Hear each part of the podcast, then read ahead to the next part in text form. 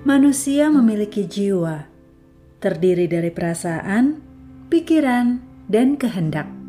Meski hidup kita berkaitan kuat dengan jiwa, tapi nggak selamanya kita harus selalu mengikuti ke mana ia mau. Nggak akan pernah selesai pekerjaan atau tanggung jawab yang diberikan jika kita selalu bergerak sesuai dengan mood yang ada. Misalnya di pagi hari, gerimis, cuaca dingin.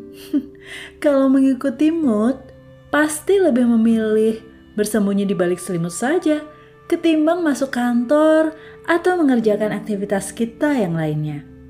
Kalau lagi kesal atau keinginan hati tidak terpenuhi, inginnya ngambek atau marah ketimbang mengomunikasikannya dengan baik dan lain sebagainya. Kadang kita perlu memaksakan diri untuk berbuat di luar kenyamanan jiwa kita demi kebaikan bersama, demi kemajuan diri.